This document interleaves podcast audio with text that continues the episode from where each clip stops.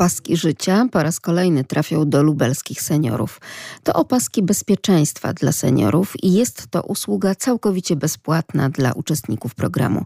Zgłoszenia osób zainteresowanych otrzymaniem opaski przyjmowane będą w Urzędzie Miasta od 9 do, od 9 do 20 maja właśnie w godzinach od 9 do 15.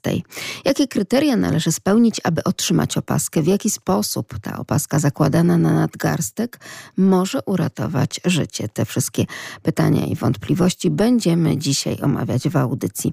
Sprzed mikrofonu kłania się Magdalena Lipiec-Jeremek, a Krzysztof Mysiak ten program zrealizuje.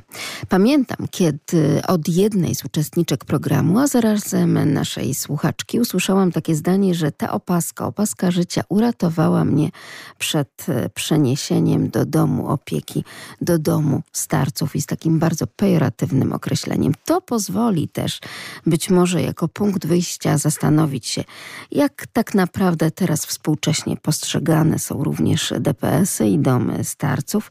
A takie badania przeprowadziły pani dr Dorota Renkowska z Uniwersytetu Rzeszowskiego i Marta Renkowska z Uniwersytetu Medycznego w Lublinie. Hasło tych badań to Dom Pomocy Społecznej jako forma wsparcia i aktywizacji osób starszych. W 2050 roku liczba seniorów osiągnie, proszę Państwa, generalnie ponad 30% y, społeczeństwa, tak? Także y, natomiast po 80 roku życia będzie nas prawie już 3,5 miliona. Także w 2050 roku to są dane z Głównego Urzędu Statystycznego. Generalnie no, domy pomocy społecznej są, proszę Państwa, przeznaczone dla, y, dla osób, które nie kwalifikują się do leczenia szpitalnego, tak? Ze względu, ale ze względu właśnie na wiek czy na stan zdrowia występujące schorzenia i sytuację mieszkaniową, rodzinną czy materialną wymagają całodobowej opieki i naszym celem y, było mm, zbadanie y, generalnie, jak reagują na potrzeby. Bardzo cieszę się, że jednak ten DPS zyskuje coraz lepsze imię, jakąś taką formę, bo i u prelegentki, i u mnie badania powtarzają się i mówi się o tym, że jednak jest zadowolenie tych pensjonariuszy. Yy, badania przeprowadzałam, proszę Państwa, w domach pomocy społecznej na terenie powiatu kraśnickiego, ponieważ w Kraśniku mieszkam, w Rzeszowie pracuję. Yy, generalnie one, tak jak powiedziałam, były przeprowadzone w okresie stycznia i marca, jeszcze tuż dosłownie przed pandemią. I mamy tam takie trzy domy pomocy społecznej, to jest w Kraśniku, przeznaczony dla osób podeszłych yy, oraz przewlekle somatycznie chorych. Mamy tam 73 miejsca. Mamy też dom pomocy społecznej w Popkowicach i to jest też taki większa placówka, ona ma 180 56 miejsc i Dom Pomocy Społecznej w Gościeradowie, on jest tutaj przeznaczony również dla dzieci, y, dla osób, y, dla dzieci, dla młodzieży niepełnosprawnej oraz dla osób dorosłych i generalnie dysponuje 65 miejscami. No i generalnie proszę Państwa, y, takie najważniejsze kwestie, y, które wyszły tutaj z badania, oczywiście je przedstawię w artykule, dotyczą, y, proszę Państwa, funkcjonowania w ogóle i odbioru tych potrzeb przez mieszkańców. Bardzo dobrze, we wszystkich trzech ośrodkach respondenci ocenili bardzo dobrze usługi opiekuńczo-pielęgnacyjne, ponieważ ponad 80%, proszę Państwa, oceniło je na dobre, a 15% jako raczej dobre, 5% tylko gdzieś tam miało jakieś, powiedzmy, nawet nie oceniło źle tych usług, tylko jako, jako przeciętne.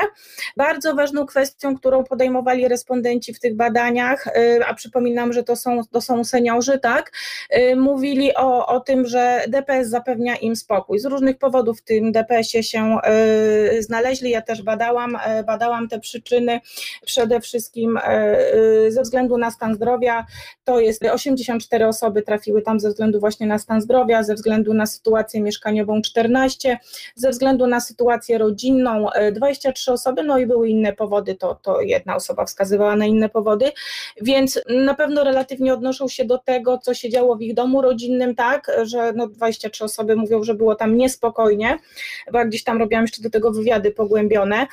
W każdym razie tutaj okazuje się, że, e, że im się tutaj podoba, że, że mają tutaj spokój. E, bardzo dobrze też jest oceniana na przykład cała atmosfera dotycząca e, kwestii religijności, ponieważ wszyscy mają z nich dostęp do nabożeństw. 75% korzysta kilka razy w tygodniu z tych nabożeństw, generalnie z takiej, z takiej opieki duszpasterskiej i, i generalnie też taką bardzo dobrze ocenianą usługą były też również zajęcia rekreacyjne i usprawniające. To, czym jest tak naprawdę istota czy idea dla Domu Pomocy Społecznej. I tutaj też większość respondentów odpowiedziała, że, że jest po pierwsze zadowolona z obecnego etapu życia, to ponad 85% i, i generalnie dobrze ocenia takie kwestie, całe funkcjonowanie, tą aktywizację, ocenia bardzo dobrze wyżywienie w domu pomocy społecznej, czuje się bezpiecznie w tym miejscu zamieszkania, to już to, o czym mówiłam. Badałam też jeszcze schorzenia tutaj, to tak jak myślę, że większości wśród populacji starszego społeczeństwa najwięcej osób było tutaj chorujących na cukrzycę, nadciśnienie, na choroby kości stawów, choroby serca, zaburzenia snu, choroby żołądka, jelit, tarczycy, również choroby neurologiczne i nowotworowe, ale wszyscy oni twierdzili zgodnie, e, bo mówię, to jest ponad 65% badanych, twierdziła, że jest tutaj zapewniona opieka właśnie lekarska, rehabilitacyjna, terapeutyczna, także te wszystkie potrzeby, e, potrzeby zostają, e, zostają spełnione.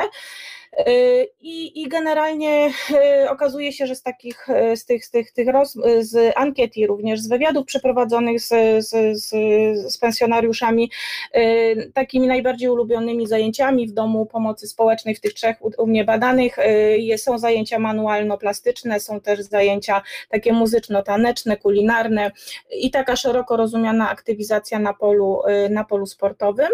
I, I generalnie, proszę Państwa, tak króciutko podsumowując, to to, na podstawie tych przeprowadzonych badań e, można wysunąć następujące wnioski. Przede wszystkim chodzi tutaj o kwestię tego, że e, badani pensjonariusze są zadowoleni z, z usług świadczonych przez domy pomocy społecznej e, i większość z nich też uczestniczy we wszystkich zajęciach, które są, że tak powiem, w statucie i regulaminie każdego z poszczególnych DPS-ów, bo one się tam troszeczkę różnią swoją, swoją ofertą.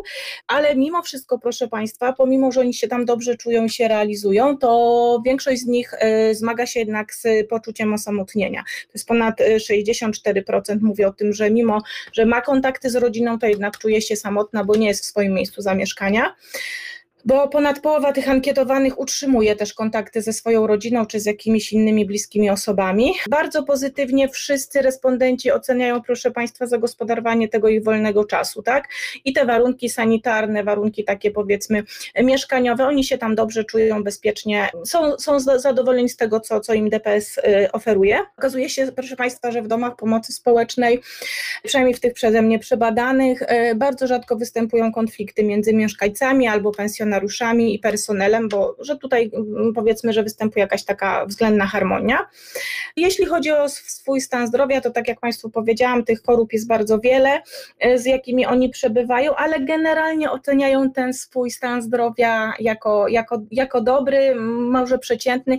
Ja też jak y, robiłam z nimi wywiady, udało mi się kilka zrobić, około 25, jeszcze przed tą pandemią, no to mówili też, że w znacznej większości to ten stan zdrowia ich się ustabilizował albo wręcz poprawił, ponieważ są pod stałą e, kontrolą, jeśli chodzi o przyjmowanie leków, jeśli chodzi o dietę, jeśli chodzi o jakąś taką aktywizację szeroko rozumianą, więc to wszystko na pewno ze sobą koreluje.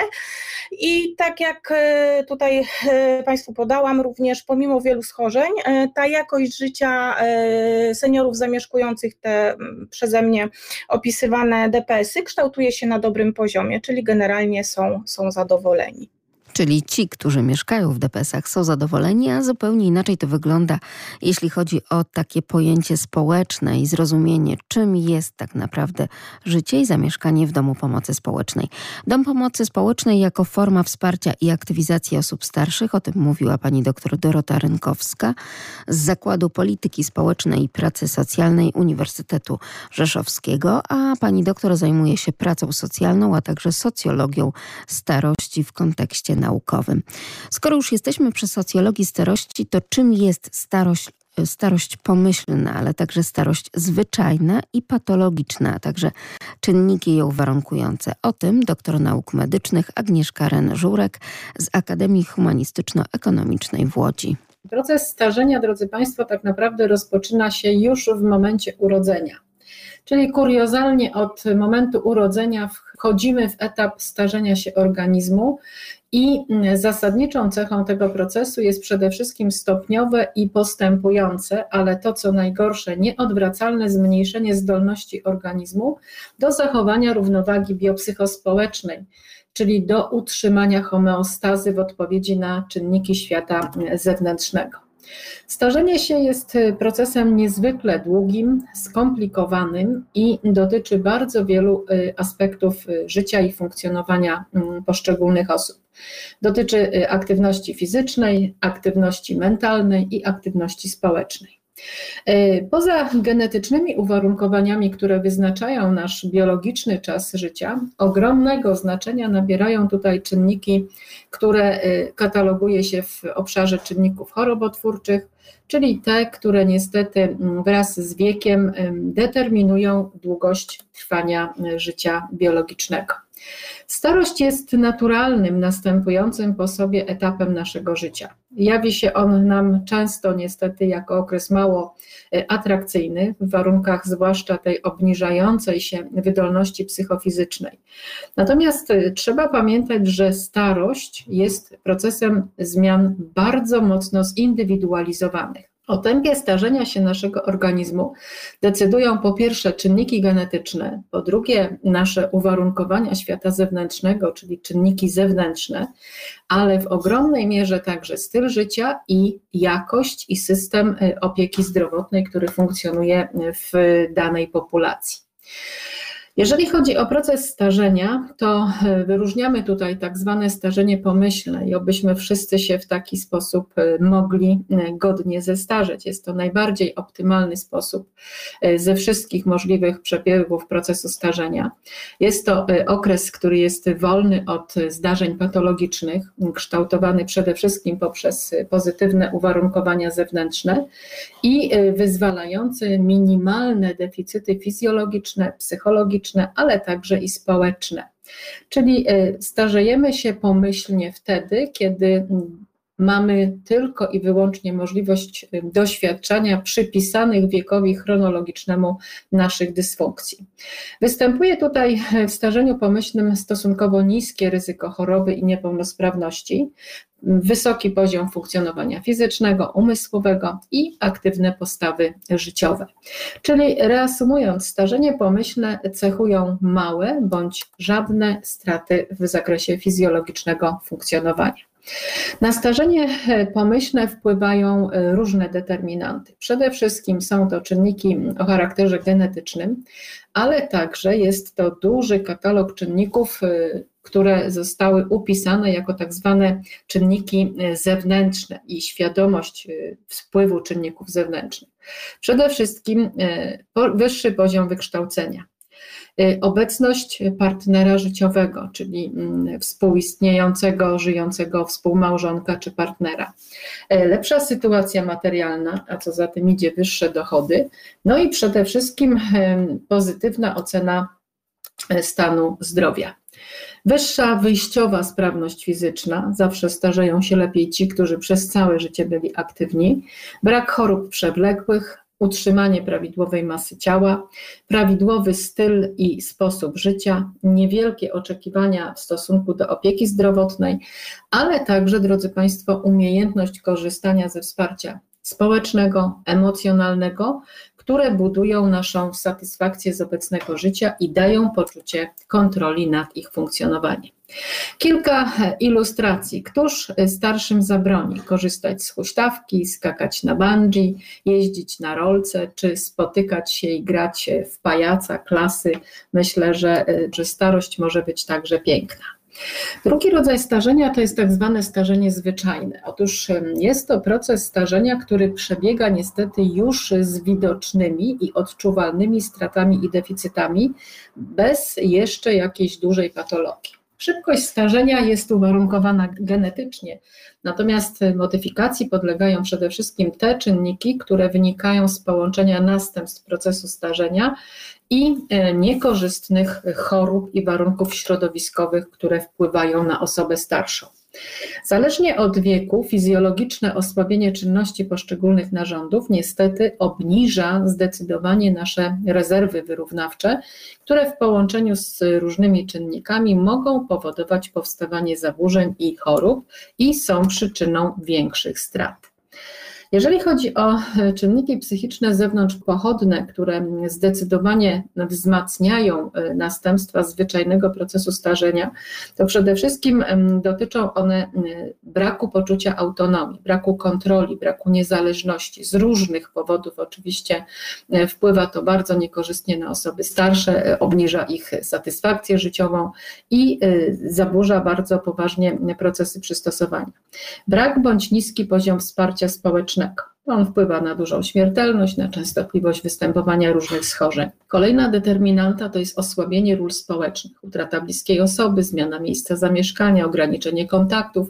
Te wszystkie czynniki w ramach e, właśnie opisywania jakości życia, funkcjonowania osób starszych w domach pomocy społecznej. I e, czwarty czynnik jest to niewłaściwe przystosowanie człowieka do starości ponieważ jeśli nie przyjmiemy z godnością tego, że mniej już możemy, wówczas doprowadzamy nasz organizm do wyczerpania zarówno fizycznego, jak i umysłowego, a tym samym do obniżenia zdolności immunologicznych naszego organizmu. I ostatni rodzaj starzenia jest to tak zwane starzenie patologiczne. Jest to proces, w którym do starzenia takiego patologicznego także przyczyniają się czynniki zarówno genetyczne, czyli warunkowane wewnętrznie i zewnętrzne Przede wszystkim są to e, przebyte choroby i urazy, mm, dysfunkcje w procesie odżywiania, prowadzenie niezdrowego trybu życia, mieszkanie na terenach ekologicznie zanieczyszczonych i wykonywanie w swoim życiu pracy w szkodliwych warunkach. E, kolejnym e, bardzo charakterystycznym zjawiskiem dla patologii starzenia jest także, drodzy Państwo, występowanie multipatologii, czyli tak zwana wielochorobowość okresu starości, czyli współistnienie wielu procesów patologicznych i e, tutaj ogromnego katalogu różnego rodzaju powikłań, które wynikają z niewłaściwego bądź nieostrożnego stosowania środków farmakologicznych. Starzenie patologiczne e, poza dramatycznym obniżeniem funkcji narządowych dotyczy niestety także bardzo ważnych funkcji mm, związanych z oddziaływaniem czynników zewnętrznych. Z najczęściej spotykanych schorzeń, które występują mm, prowadząc do wielochorobowości, należy tutaj wymienić choroby stawów, cukrzycę, choroby mm, kręgosłupa, nadciśnienie, chorobę niedokrwienną i wiele, wiele innych y, procesów, zaburzenia psychiczne, y, które związane są z no, nieuchronnym procesem inwolucji. Postęp, y, rozwój y, medycyny, rozwój techniki, przemiany kulturowe i cywilizacyjne, które się dokonały w ostatnim stuleciu, pozwoliły nam na znaczne wydłużenie y, długości życia. W związku z tym żyjemy zdecydowanie dłużej, ale pozostaje nadal pytanie, czy jakościowo nadal dobrze. Obecnie priorytetem wydaje się być dążenie do tego, aby równolegle z długością życia kształtowała się jego jakość, aby jak największa liczba, liczba seniorów doświadczała pomyślnego modelu starzenia się. Starość pomyślna, ale także ta zwyczajna i patologiczna, a także czynniki ją warunkujące, czyli starość z naukowego punktu widzenia doktor nauk medycznych Agnieszka Ren, żurek z Akademii Humanistyczno-Ekonomicznej w Łodzi. Ale żeby tak naprawdę ułatwić na każdym etapie tę starość, po raz kolejny, pozwolą Państwo, że przypomnę ogłoszenie, miasto Lublin pozyskało środki finansowe, które przeznaczy na zakup kolejnych opasek bezpieczeństwa dla seniorów. Ponad 212 tysięcy złotych pozwoli na zaopatrzenie w te urządzenia aż 200 osób w wieku powyżej 65 lat, będących mieszkańcami Lublina. Usługa jest całkowicie bezpłatna dla uczestników programu, a opaski służące do wzywania natychmiastowej pomocy dają seniorom poczucie bezpieczeństwa, a jednocześnie pozwalają na niezależność i samodzielność. Zgłoszenia osób zainteresowanych otrzymaniem opaski przyjmowane będą od 9 do 20 maja.